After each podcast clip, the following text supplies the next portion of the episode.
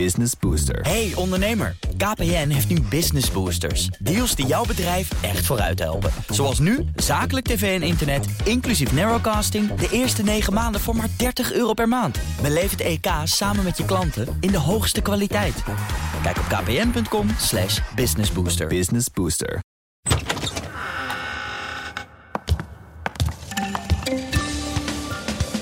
Meestal beginnen we alvast een beetje te rommelen. Maar dat, jullie zijn- zitten zo, zo braaf naar mij te kijken. Nou, dan ga ik Heel gewoon braaf vandaag. netjes beginnen. En dan ga Doe ik een keertje zoals het hoort. eindelijk een aankondiging. Ja? Oké. Kom maar op. Dit is Nieuwsroom Den Haag van vrijdag 20 november. En de jingle die wordt dan altijd eh, ingestart. Die monteerde achteraan. Toch? Ah, sorry, nou, Ja, val ik in nou, de reden. nee, nou verklap je alles. Jij bent Laurens Boven, jij bent Sofie van Leeuwen. Ik ben Mark Beekhuis. We gaan de politieke week voor jullie twee eh, weer bespreken. Of jullie met elkaar vooral. Hebben jullie dingen meegemaakt eigenlijk? Ik heb, wat heb jij deze week gedaan, Laurens? Ik zat alleen maar naar een scherm te staren de Ja, hele week. het was een, eh, een beetje een stationaire week. Stationaire week. Op de redactie, in ons kantoortje, in de perstoren. En een televisie die aanstond waar de enquêtezaal te zien was. Hè, waar jij eh, de hele week jouw ogen... Ik heb je nog een paar keer gevraagd van... eh, eh, ga je nog daar zitten? Maar dat is ingewikkeld, hè? Want Nou, ik heb me aangemeld voor als eh Ascher en Wiebes komen. Als die Ja. worden verhoord maandag. En als Rutte en Hoekstra ehm, worden verhoord. Dat is volgende week donderdag. En dan hoop ik in de zaal te zitten. Maar goed, eh, je kunt je voorstellen dat er een grote lijst is met mensen die dat van dichtbij willen observeren. Ja. Dus ik heb nog geen groen licht. Maar ik hoop er dan inderdaad bij te zijn. Het is de enquête, de parlementaire verhoren over de kinderopvangtoeslagfraude.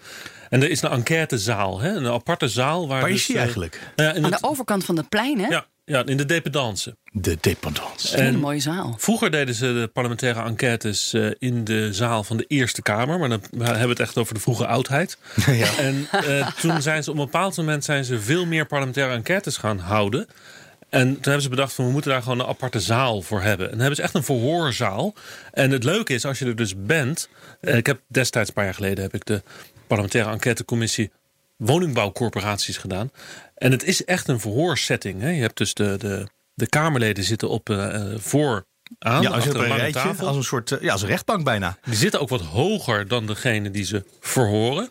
En die zit dus in zijn eentje en aan zo'n tafeltje, soms met een advocaat ernaast. En het helemaal leuk, de, de, de publieke tribune die is een verdieping hoger.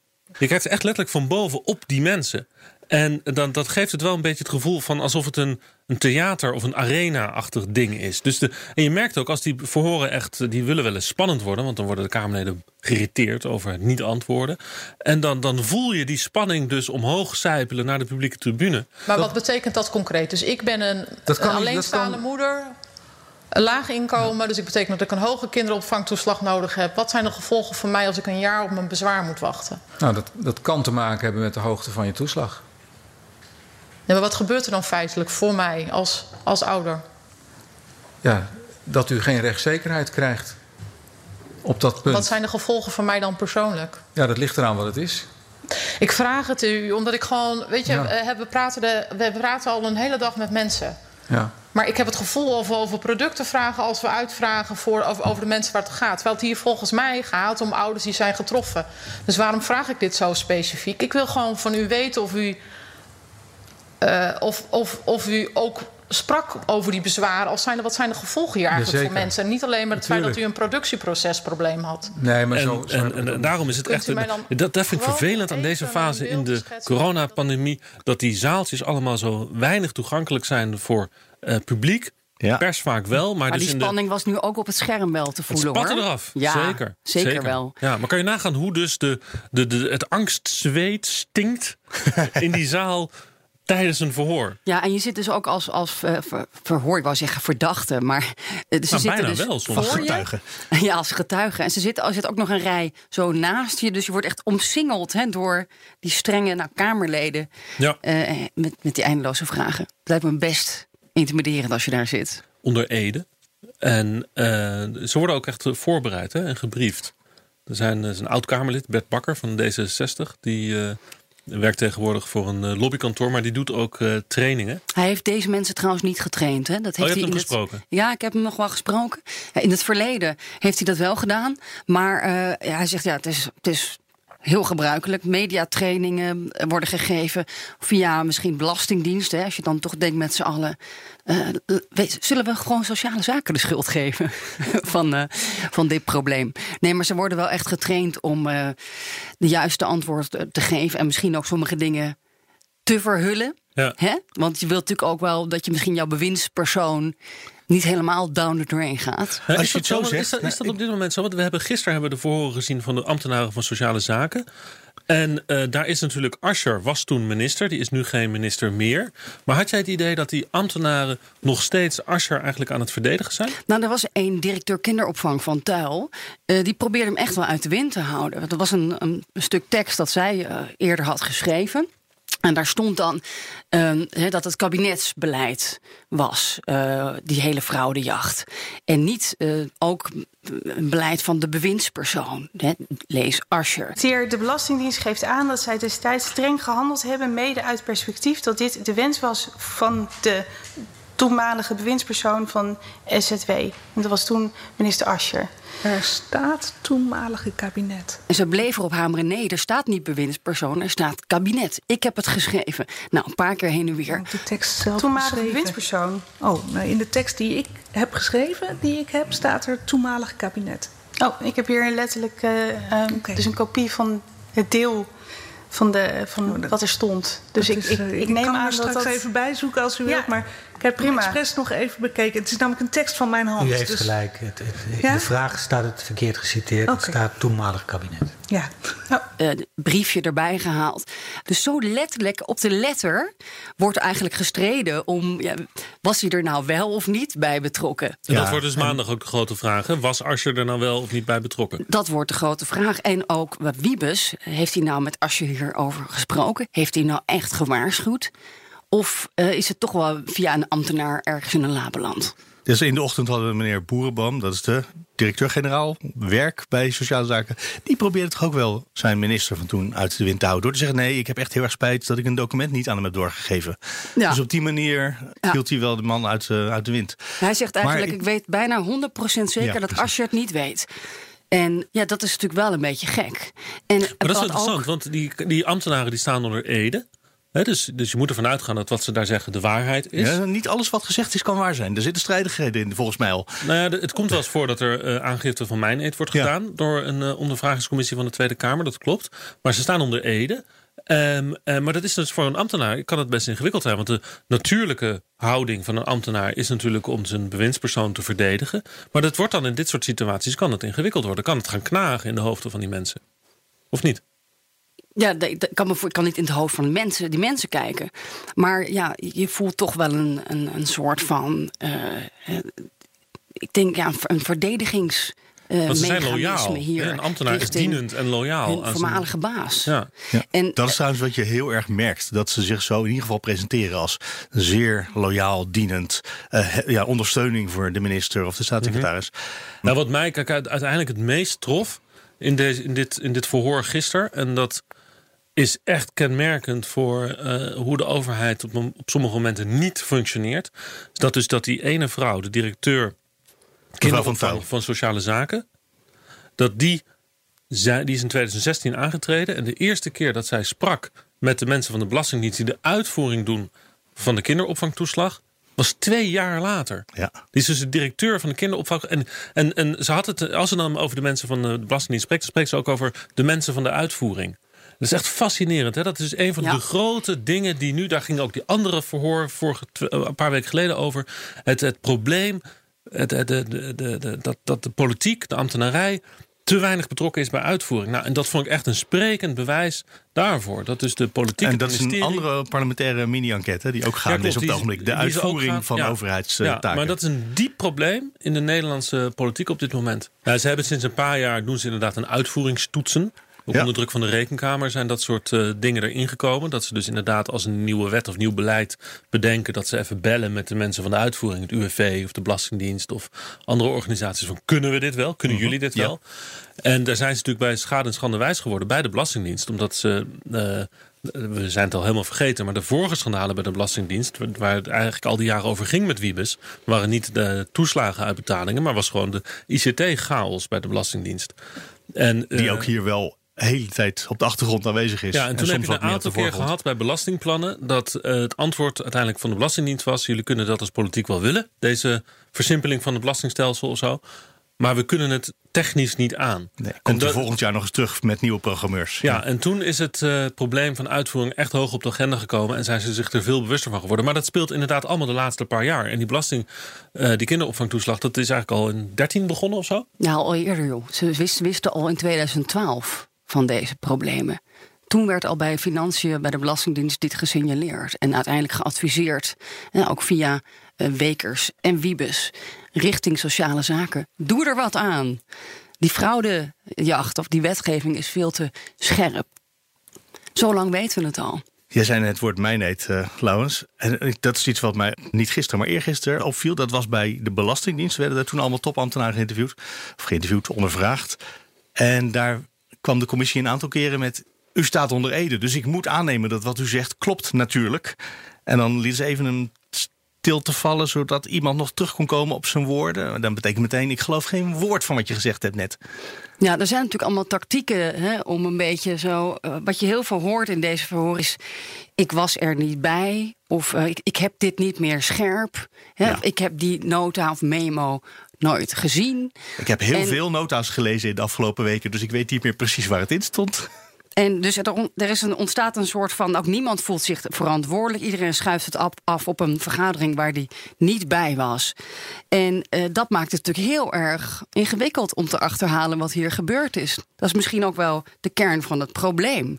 Iedereen Niemand- vond het erg, maar niemand eh, voelde zich zo betrokken dat ze dat mee gingen doen. Nee, en er is ook één iemand die ontbreekt bij deze hele eh, bespreking, of deze dat? verhoren. Dat is de directeur kinderopvang 2016 tot 2016 Van, de, van Sociale Zaken. bij. Sociale Zaken. eh, dus de- de voorganger van mevrouw Tuil. eh, die is dus ziek en die kon niet getuigen deze week.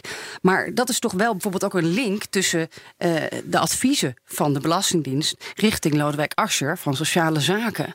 Daar is ergens iets eh, geblokkeerd. Hè, dat, eh, er is, het advies is niet doorgekomen. Dat is eigenlijk een cruciale schakel dus. En volgens mij is is, iemand- dat een cruciale schakel die niet getuigt deze week. Dat is waar andere die- mensen naar verwijzen. Komt hij dan later nog? Of? Ik kreeg niet de indruk dat ze hem voor deze sessie nog mee gingen nemen. Dat kan haast ook niet als het langer duurt. Maar dat is iemand die eh, belangrijke opmerkingen over de kinderopvangtoeslag uit informatie voor ministers heeft weggehaald. vlak voordat dat dossier naar de minister ging voor een debat. Dus ministers hadden dingen kunnen weten. Behalve dat ze de informatie uiteindelijk niet kregen, want dat was er dan in de voorbereiding uitgeëdit. Althans, En iemand die daar- Iemand heeft dat gedaan en hij is verantwoordelijk voor uiteindelijk dat dossier. Ja, en dus, dus eigenlijk het antwoord op de vraag... waarom wist Asscher dit niet? Ja. En, want Asscher kan maandag waar- zeggen... ik wist het niet, maar Ja. hoe, hoe kan het dat hij het niet wist? Dit speelde al jaren. Iedereen had er buikpijn van. Ook bij sociale zaken vonden ze het verschrikkelijk. En toch kon het niet doordringen tot de top... en heeft de politiek hier niet kunnen ingrijpen. Hebben wij in de afgelopen dagen al dingen die over de inhoud gaan gehoord, die nieuw waren? Want we weten natuurlijk in de afgelopen afgelopen jaren al heel veel. Er zijn heel veel documenten eh, naar buiten gekomen, gewopt, uitgelekt, eh, kamerdebatten geweest. Zijn er nieuwe, nieuwe feiten boven water gekomen? Nou, ik denk gisteren wel, eh, en dat ging dan over staatssecretaris Snel. Hè, die is natuurlijk ook afgetreden om deze affaire in 2019. En ja, daar kwamen een aantal dingen voorbij. Bijvoorbeeld ehm, dat hij ehm, de, ja, eigenlijk de nieuwe aanpak, de directe financiering van de kinderopvang, heeft geblokkeerd. Dat was de oplossing van sociale voor het probleem. We gaan niet die ouders compenseren. Er zijn heel veel mensen natuurlijk slachtoffers van, van de fraudeaanpak. Dus gaan we eh, een andere soort van toeslagenstelsel bedenken. Het geldt niet naar de ouders, het geldt rechtstreeks naar de kinderopvangtoeslag. Ja, dat was de Direct. oplossing. Dat zou dan misschien wel jaren duren, maar dat was het eigenlijk het antwoord van sociale zaken. En dat is mislukt of geblokkeerd. Dat is toen weer geblokkeerd door financiën.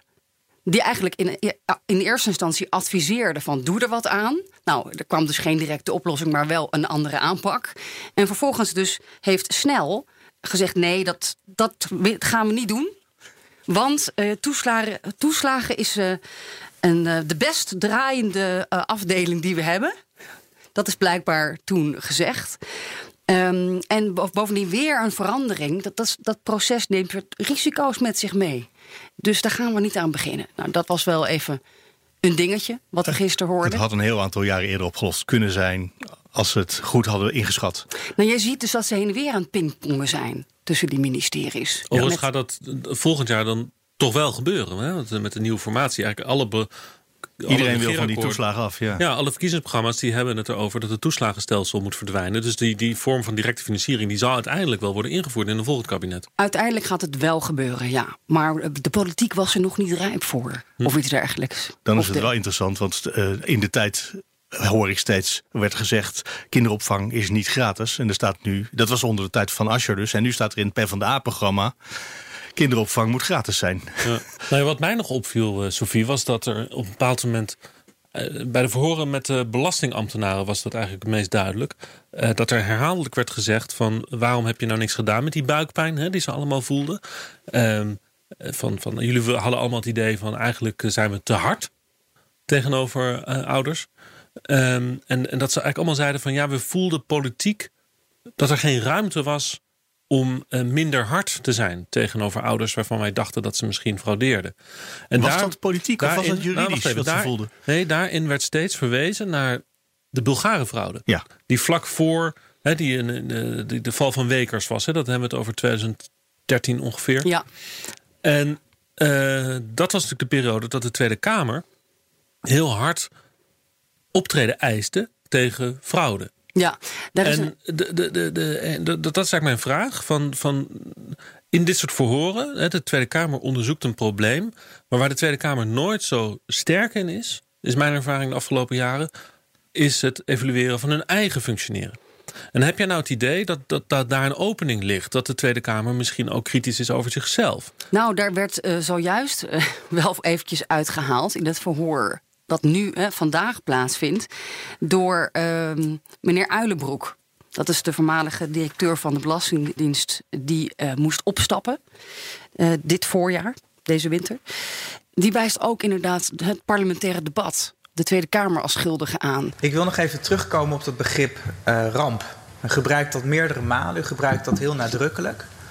Maar een ramp is natuurlijk een natuurverschijnsel dat de mensen overkomt. We hebben het hier toch niet over een komeetinslag of over een eh, tsunami. we het, mag ik even uitpraten? we hebben het hier over onrecht. Dat geeft u zelf ook aan. En het verschil tussen een ramp en onrecht is toch dat onrecht het gevolg is van menselijk handelen. En een ramp het gevolg is van de natuur. Nee, uw metafoor gaat hier fout. Een ontspoorde trein is een ramp. Een ontplofte brief is een ramp. Rampen zijn man-made. Eh, en dit is een ontspoorde trein. En wie, welke organisatie belichaamde hier die ontspoorde trein? De hele overheid, omvattende eh, de Tweede Kamer, de regering eh, en het ambtelijk functioneren. dat, dat zij dus ook zitten te prikken richting eh, de, de ambtenarij. hè, dat, dat zij de druk opvoeren richting de Belastingdienst. Ehm, die zegt. Dit slaat diep in in onze ambtelijke organisatie. Jullie realiseren eh, je dat Ja. helemaal Wat niet. grappig is namelijk, er wordt heel vaak verwezen naar Pieter Omtzigt. Als een van de Kamerleden die dus ehm, rondom de Bulgare fraude... heel erg hard op de trom heeft geslagen van wat een schande het was... dat mensen konden frauderen met toeslagen. Ja. En het is diezelfde Pieter Omtzigt die nu heel hard van leer trekt... samen met Renske Leijten, die het hele schandaal boven water heeft gekregen. En de andere kant op bijna. Ja, dus je hoort Ja. bij de Partij van de Arbeid hoor je wel van... hé, hey, wacht even, hoe, dit is wel... is dit hypocriet? Of wat, wat is jouw indruk op dit moment? He- de- zie jij aankomen dat de Tweede Kamer kritisch gaat worden over zichzelf? Ik, ga, ik denk wel dat eh eh eh, hier maandag aan gaat refereren. Dat inderdaad de politiek hierom gevraagd heeft. En eh, ik denk wel dat die vraag dus hè, op het bordje van om, om zich terecht zal komen. Ik heb nog niet echt heel veel reflectie gezien, eh, eh, nee, aan die kant. Eh, op dit probleem. Wat, er was wel een hele mooie scène ehm, die, ook, eh, die we even moeten laten horen. Over die Bulgare fraude. Hoe dat ook landde. Dus die politieke druk. Ook met Wekers die voor een zaal sprak met 200, 300 man eh plenair bij de Belastingdienst. Ehm, hoe groot die druk was op die ambtenaren. Hoe eh, ook van de pers en van de maatschappij van doe er wat aan. Jullie doen je werk niet goed. En dat was met meneer Blankenstein. De directeur toeslagen was die bij de Belastingdienst in 2011 tot 18. U zegt dus wel, ja, er is inderdaad een, eh, een, eh, nou, hoe noemen we dat? Een, een versoepeling bijna in eh, het vermoeden van fraude. Hè? Dus het was eerst ernstige twijfel en dat mocht toen gereden twijfel worden. Dat is correct. Ja. En dan vraag ik hem toch nog maar ver- waarom? Waarom is dat gedaan? Alleen maar door de, door de druk van, van buiten? Nou ja, de druk die was echt heel erg hoog. Kan ik u zeggen. Ja, en die werd door iedere medewerker zo gevoeld. Waar kwam die druk eh, vandaan? En u noemde ook de staatssecretaris. Ja, die druk kwam, eh, nou ja, die druk was mega van maats- maatschappelijk pers, maar ook Kamerleden, debatten. De eigen staatssecretaris, zijn, zijn positie was in het geding. En het was heel duidelijk, dit mocht niet meer gebeuren. En de Dan staatssecretaris is bij ons, is bij ons op, op de, op, in de organisatie geweest. Ja. Hij heeft daar eh, met 200, 300 medewerkers eh, in een ruimte gesproken. Dit is staatssecretaris Wekers. Ja, samen met Peter Veld en ikzelf. We hebben met z'n drieën voor de troepen gestaan. Ehm, nou, heel emotionele gesprekken. Want mensen voelden zich ook, eh, nou laat ik het zeggen, heel erg eh, bekritiseerd. De mensen die bij ons werkten. Van hoe, want eh, wij waren het domme onderdeel eh, wat alles maar liet gebeuren. Ehm we hadden met onze ogen dicht eh, Bulgaren uitbetaald. Terwijl het een eh, adresfraude was, maar dat zag niemand. Kortom, de druk was heel hoog. En wat zei de staatssecretaris daar? Nou, die heeft eh, toegelicht eh, hoe hij ernaar keek. Hij heeft gezegd, eh, eh, nou ja, ook duidelijk van jongens, we moeten alles op alles zetten om dit te voorkomen. Je kunt heel mooi horen in dit fragment hoe, eh, hoe hard die bom is ingeslagen bij die organisatie en bij die ambtenaren. Hoeveel En dat is politieke dat druk heeft. eh, daar rechtstreeks merkbaar is. Want de, de, eh, meneer Wekers gaat dit over... die moest niet verder onder druk komen om af te moeten treden. Ja, wat uiteindelijk wel gebeurd is, Ja. maar niet om de Bulgare fraude. Maar ja, dus dat is de schade die het dus, hè, of de impact die het heeft. We hebben net die, die scène gehoord eh, in dat ministerie... waar dan de, ja, de, de druk bij de ambtenaren ook zichtbaar wordt. Het zijn hele, hele, hele lange verhoren. Er staat vaak twee uur op de agenda... maar ze duren soms wel drieënhalf, vier uur. Is het leuk om naar te kijken? Nee, het is heel leuk om naar te kijken. Ja? wel fascinerend. Om, om ook als eh, denk ik, politiek journalist om te zien wat er eigenlijk achter de schermen dan gebeurt op zo'n ministerie. Ik zou er ook echt nooit willen werken. Als ik dit Dat heb je nu geleerd. Het lijkt me echt verschrikkelijk. Ook juist, ehm, nou ja, eh, al, die, al die schakels dus in dat systeem, hè, die dus nou, blijkbaar dus niet, vaak niet met elkaar eh, go- samenwerken of in verbinding staan. De bureaucratie. Hè? De, de, de Kafka is natuurlijk heel vaak genoemd Ja. in, eh, in deze context. Dus dat is ontzettend leuk naar te kijken. Om, oh, ja, Maar hoe het vraagt wel wat uithoudingsvermogen, toch? Want als je dan in één keer vier uur achter elkaar zit te kijken naar een... eh, nou, er zit een kwartiertje pauze in ergens. maar het zijn hele lange verhalen. Ja, zeker als mensen ja, weer, steeds weer verwijzen naar memo's en notities. En, eh, Ja, of dingen die ze niet ze meer helemaal waren. scherp hebben. Of geen herinneringen aan.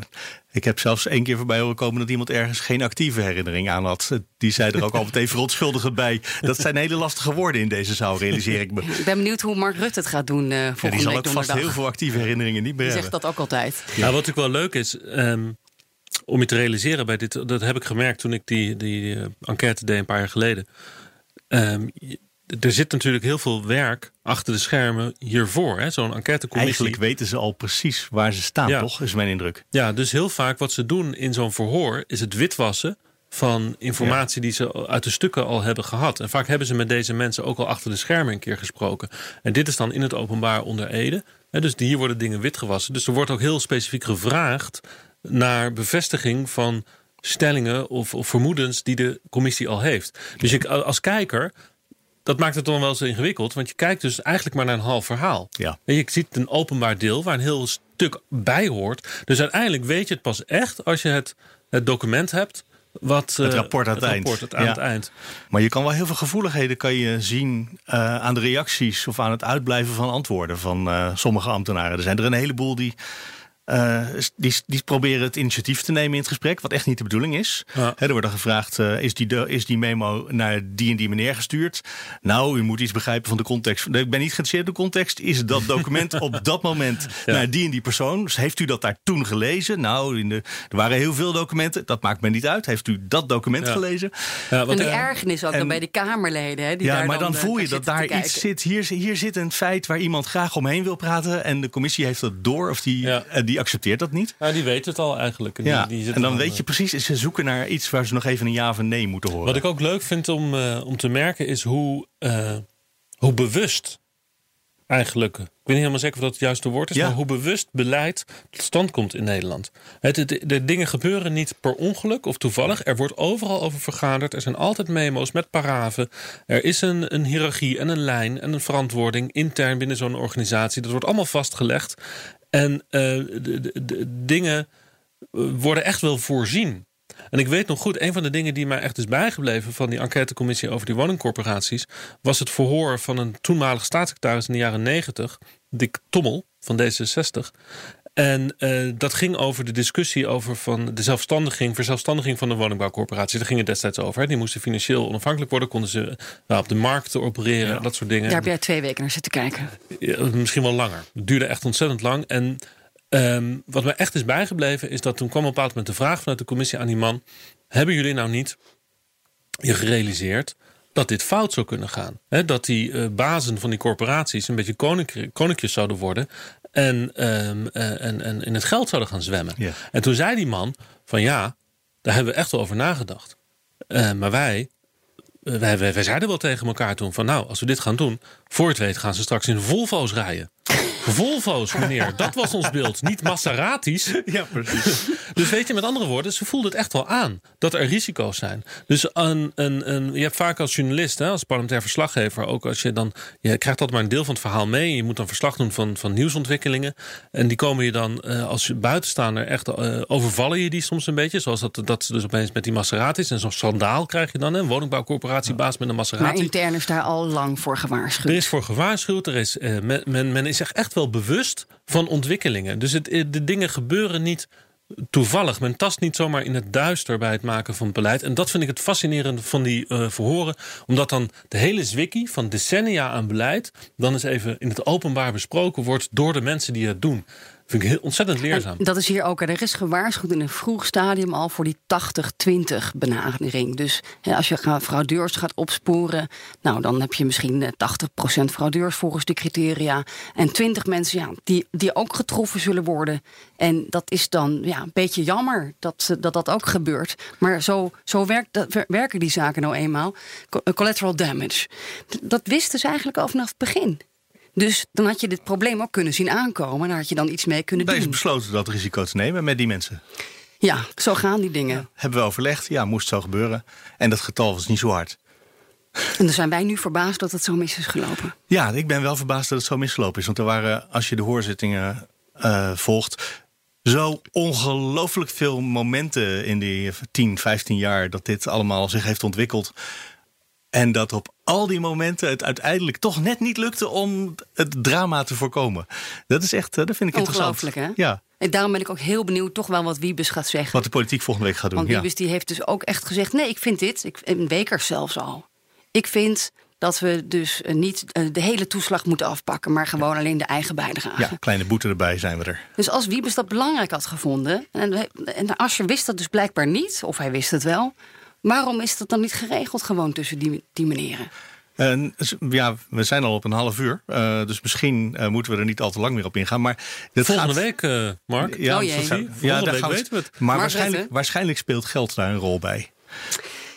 Dat is ook nog een heel verhaal wat we deze week Oh, dat slaan we misschien. pijnlijk Zullen we dat even wordt. overslaan deze week en dat volgende week meenemen bij de politiek? Want dat gaat natuurlijk over budgetten, politiek, over keuzes maken. Maar op de achtergrond speelt behalve gewoon het jurisme en de, ambtela hoe de, de ambtelijke werkelijkheid speelt ook mee dat er gewoon beloofd was dat er geld geleverd Ja, zou worden door de fraudeaanpak. Miljoenen moest het opleveren. 25 Was miljoen per jaar of zoiets. Wat Ja, het, moeten ze 12? nu allemaal terugbetalen. 23 miljoen of zo. Ja. Heel veel. We hebben het al het hele half uur over het verhaal van Sophie. eh Laurens, heb jij niks gedaan van de week? Hij is stiekem meegeluisterd, hè? je hoort het. hij zat gewoon ook te ook gewoon kijken. over mee. Ja. Ik heb eh, eh, ik ben bezig gehouden met eh, vaccins. Ah, natuurlijk. Het coronadebat was deze week weer. Dus, ja, ja. En eh, nou, de vaccins, die, eh, de strategie is er. Hè? Ehm, het Gezondheidsraad, Gezondheidsraad heeft geadviseerd. En eh, Hugo de Jonge die zal dat advies denk ik grosso modo overnemen. En dat betekent dat dus de ouderen en de kwetsbaren eerst worden gevaccineerd vanuit de gedachte dat dat ook de economie steunt op die manier. Want dat betekent lagere druk op de ziekenhuizen. Dat zijn namelijk de mensen die in het ziekenhuis komen. En dat is toch eigenlijk de belangrijkste reden van de lockdown. Namelijk de overbelasting van de Komt er zorg. nou wel of niet als een indirecte straf dat je dan niet meer op vliegvakantie mag? Als je geen prikje Ja, hebt gehad. Ja, dat is een, eh, een, een heel spannend punt. En eh, daar ging het in het coronadebat inderdaad over. En eh, ja, ze zitten te worstelen. Daar komt dus eigenlijk het volgende advies over de. Eh, van de Gezondheidsraad is al in feite al aangevraagd door Hugo de Jonge op onder druk van de ChristenUnie. Een ethisch advies moet het worden van hoe ga je om in de samenleving waar een deel van de bevolking is gevaccineerd en een deel niet. Dat roept allerlei vragen op, inderdaad, zoals dit. Hè. Mag je meer als je gevaccineerd bent? Mag je dingen niet als je niet gevaccineerd Dus daar, daar komt een impliciete drang of dwang uit voort. En dat Bij mag de niet gebeuren. invoering van de app, de coronamelder, is die heel nadrukkelijk verboden. Hè? Je mag als werkgever niet eens vragen of iemand zo'n app geïnstalleerd heeft. Ja, dat mag met een vaccin natuurlijk ook niet. Nee, maar En- dat als je dan. Nou, daar was discussie over in het, eh, in het debat. Over of je misschien wat extra privileges zou kunnen krijgen met een vaccin. Ja, maar je komt in de knel met allerlei grondrechten. Ehm, maar het is tegelijkertijd wel een werkelijkheid dat mensen zullen gaan zeggen. ehm, Hugo maar Jonge- ik ben nu veilig. Hugo de Jonge noemde zelf het voorbeeld van een eh, verpleeghuis waar iedereen is gevaccineerd. Ja, daar kan je dus gewoon op bezoek. Hè, maar ook als je niet gevaccineerd bent, kan je dan gewoon bij oma langs, want je kan oma toch niet Ja, besmetten. tenzij oma niet wil. Precies, maar dan krijg je weer de discussie Mag van... ze geen bezoek? Als het hele verpleeghuis is eh, gevaccineerd en, en, en oma wil niet... en zij is de enige... ja, dat geeft natuurlijk een sociale druk, een peer pressure... om het toch maar wel te doen. Want zolang niet iedereen is gevaccineerd in een verpleeghuis... blijven de coronaregels daar gelden. Nou, dat soort discussie, dat wordt nu de volgende discussie. Er komt een ethisch advies over. En we zullen het zien. Ja, en verder, verder was dat een heel mooi slot aan het eh, debat. Woensdagavond laat. eh, het coronadebat. Omdat het, eh, je weet nog wel, hè, Sofie en ik, wij hebben een boek geschreven. Wil je nog even reclame maken? Op het Binnenhof. Ik heb een hele mooie podcast daarbij gemaakt. Juist. Goed eh, terug te luisteren Ja. in deze podcastfeed. Ja, Heeft geen prijs gewonnen, die podcast. maar Mark. dat verbaasde mij Had ook. je hem wel Ja. ingezonden? Dus ze zijn nog steeds te beluisteren, eh, die podcast natuurlijk. Maar we het boek hebben we ook geschreven. En in dat boek kwam ehm, een van de interessante discussies natuurlijk... die in dat boek eh, wordt besproken... is de, eh, de- hoe gaat de Tweede Kamer nou om met de lockdown? Wat betekent dat voor het parlementaire werk? Als iedereen thuis moet blijven en Kamerleden... wat moeten die dan doen? Hè? Want er is een grondwettelijke plicht... dat 76 Kamerleden altijd aanwezig zijn in de Tweede Kamer. Ook Anders is er geen vergadering. kan er niet worden vergaderd. En we weten dat er achter de schermen discussie heeft plaatsgevonden... waar vooral de VVD zich op het standpunt stelde... van we moeten daar een andere manier voor vinden. We kunnen wat flexibeler omgaan met dat quorum. Een digitale quorum. Ja, en eh, dat is toen eh, is er niet doorgekomen. Ariep heeft dat eh, geblokkeerd. Die zei van nee, grondwet, we moeten gewoon, het is geen noodtoestand. Het parlementaire proces moet gewoon zijn doorgang vinden zoals het bedoeld is. Democratie is te belangrijk om nu ehm, eh, eh, met allerlei noodmaatregelen daar procedures te gaan veranderen. Maar goed, eh Heike Veldman, het eh, VVD-woordvoerder Zorg, die kwam dus eh, van de week met- opeens met een motie. Van de Kamer gehoord de beraadslaging van mening dat de Tweede Kamer in verband met corona bij moet dragen aan het tegengaan van reisbewegingen, aan thuiswerken en aan de veiligheid van leden en Kamerpersoneel. Om toch een digitaal quorum mogelijk te maken. Overwegende dat om de plenaire vergadering te openen iedere vergaderdag een quorum vereist is, waarvoor de fysieke aanwezigheid van minstens 76 leden in het Tweede Kamergebouw noodzakelijk is. En ehm, nou ja, Overwegende dat de Raad van State in haar advies over het functioneren van de Eerste Kamer in tijden van coronacrisis van 17 april 2020 het vaststellen van het quorum op digitale wijze, dus op afstand, mogelijk acht. Verzoekt het presidium binnen twee weken met een tijdelijke regeling digitaal quorum te komen, zodat leden ook digitaal, dus op afstand, voor de plenaire vergadering kunnen intekenen. En gaat over tot de orde van de dag. En hij, eh, hij dacht van dit is kat in het bakkie, want eh, de motie was ondertekend door praktisch eh, alle fracties in de Tweede Kamer. En deze motie wordt mede ingediend door de leden Diertens, Klaver, Van S, Sazias, Heerma, Van Haga, Baudet, Kuzu en Krol. Wordt, ja, de, de motie wordt eigenlijk voldoende ondersteund. Blijkt uit de ondertekening. Behalve drie, de PVV, eh, de SGP en de Partij van de Arbeid. Die eh, steunen de motie niet. En vervolgens ging Geert Wilders helemaal los op Heike Veldman. De heer Wilders. Voorzitter, dit moet toch een grap zijn? Eerst rent de coalitie weg als het om een motie gaat. En nu willen ze niet eens uh, komen uh, om te stemmen. Het is interessante argument, argumenten die uh, Wilders hier noemt. Hè, want hij heeft het in feite... Serieus, over... hij zit over Netflix in je werkkamer. Dat gaat, het is echt helemaal geen argumentatie die ik gehoord heb. Drie dagen in de week. Dat is een driedaagse werkweek. En daar verdient u 6000 euro netto voor per maand. Voor drie dagen hier te komen. En dan zegt u tegen Nederland: Weet je wat, ik ga liever thuis zitten Netflixen. Want als ik hier naartoe kom, dan zit ik gewoon hier. En dan moet ik hier komen, dan zit ik op mijn kamer. Hoezo zit u op uw kamer? U moet gewoon werken hier. U gaat toch niet op hier op uw kamer naar Netflix zitten kijken? U moet hier gewoon uw werk doen. Hij maakt hem belachelijk, ja. inderdaad.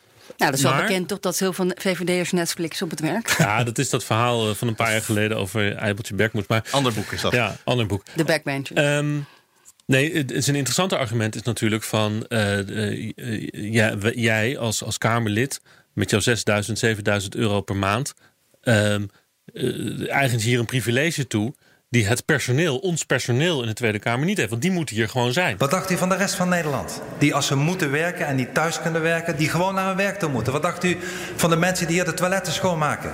Wat dacht u van de mensen die in het restaurant werken hier? Wat dacht u van de bodes hier? Wat dacht u dat die kunnen doen? Dacht u dat die kunnen zeggen van we komen lekker niet? Die moeten gewoon, de normale mensen die moeten werken, die u helpen bij uw werk. Wat dacht u van de tramchauffeur? Wat dacht u van de verpleegster? Wat dacht u van de politieagent? Die moeten gewoon naar hun werk te komen. En dan komt de VVD, voorzitter, ik kan er echt zo kwaad over worden. En die zegt, nou weet je wat, wij zijn Kamerleden, we komen gewoon niet. Met allemaal rotsmoezen. Want het zijn rotsmoezen die, die niet gelden voor al de mensen die hier werken. Al onze medewerkers. Geldt het niet voor. Vervolgens kwam um, uh, Lodewijk Asscher er nog overheen. Uh, met een wat, wat rustiger argumentatie. Maar interessant argument. Hij zegt van we hoeven dit niet nu te doen. Want nu is het niet zo dramatisch. Dit hadden we een half jaar geleden misschien kunnen overwegen. Maar laten we hier niet nu nog aan beginnen. Uh, ik vraag me af of de collega een goede interpretatie geeft aan de oproep van het kabinet. Want er is telkens bijgezegd dat de uh, adviezen, CQ-verzoeken, CQ-maatregelen niet zouden gelden voor de Kamer. Juist omdat wij hier de democratie belichamen. Dus telkens aangegeven dat als je het nou hebt over een vitale functie, het onze democratie is. Er is geen formele noodtoestand uitgeroepen. De heer Veldman refereert aan bijzondere omstandigheden. Dan moet je ook met die woordkeuze moet je denk ik voorzichtig zijn als je die gebruikt om in ieder geval de geest van de grondwet op een andere manier te interpreteren. Dus hij deed een dringend beroep op Heike Veldman om de motie aan te houden, niet in stemming te brengen. En heel grappig wat er toen gebeurde is, want dit, dit is in feite dus de publieke versie van de discussie die achter de schermen heeft plaatsgevonden een half jaar geleden. Nu zien we hem opeens in volle glorie uh, exploderen in de Tweede Kamer. Eigenlijk explodeert het hele voorstel van de VVD in het gezicht van Heike Veldman. Vandaar het verzoek namens een minderheid uh, om de motie aan te houden. De heer Veldman. Dat zal ik niet uh, doen, voorzitter, gezien de ruime steun uh, uh, en brede indiening van de motie... en ook gezien het advies van de Raad van State aan hoe de Eerste Kamer om kan gaan met het quorum. In eerste instantie weigert hij om de motie aan te houden, wat Asscher van hem vraagt. Omdat hij ondertekend is door zo ontzettend veel Kamerleden en er gewoon een meerderheid voor was om een digitaal quorum mogelijk te maken. Nou goed, dan wordt er geschorst. En vlak voordat Rutte moet gaan antwoorden in de tweede termijn, dan krijgt Heike Veldman nog een keer het woord. Dat is ongebruikelijk al. Oh, pardon. Ja. Sorry. Ja, dat is ongebruikelijk. Kennelijk heeft er dan achter de schermen toch wat discussie plaatsgevonden. Ze hebben andere fracties voelen misschien nattigheid. Of misschien bij de. Ik weet niet precies wat hier gebeurd is. Maar hij trekt hem in. Eind van het liedje, hij houdt toch de motie aan. Geef ik eerst de heer Veldman namens de VVD het woord. De heer Veldman. Voorzitter, er is nog even overlegd. En ik wil graag motie 2 aanhouden tot naar de orde. Ja. Dank u wel. Maar dat is wel eigenlijk een oplossing ook voor die verhuizing naar de Apenrots, toch? Dat we gewoon allemaal thuis blijven. Die is niet coronaproof. Daar zijn we onderzoek naar aan doen. Er is geen sleuteloverdracht geweest. Dus als we dan kunnen digitaal kunnen stemmen en zo. Ja. hebben we weer een probleem minder. Ja. Ja, de Tweede Kamer die, uh, die, die, wil het niet. Ariep heeft al gezegd van uh, als, als we procedureel anders gaan moeten werken in het parlement, dan ja, roep dan de noodtoestand eerst maar uit. Weet je? Dan is er een reden. En zolang de noodtoestand niet. Dan hebben we de grondwet gewoon. En dan, moeten we, mee doen. Ja. En dan hebben we gewoon. de, de, de democratie is te belangrijk om daar met procedurele wijzigingen te komen op dit moment. Nou, zo kennen we Ariep. Sylvie van Leeuwen. Laurens Boven, dank jullie wel.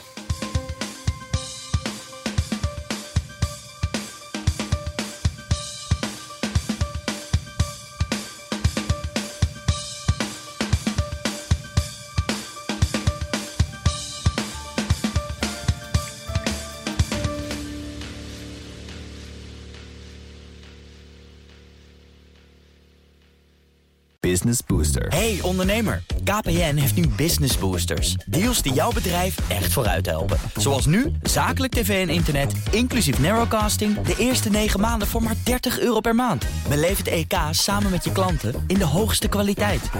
Kijk op kpn.com slash businessbooster. Business Booster.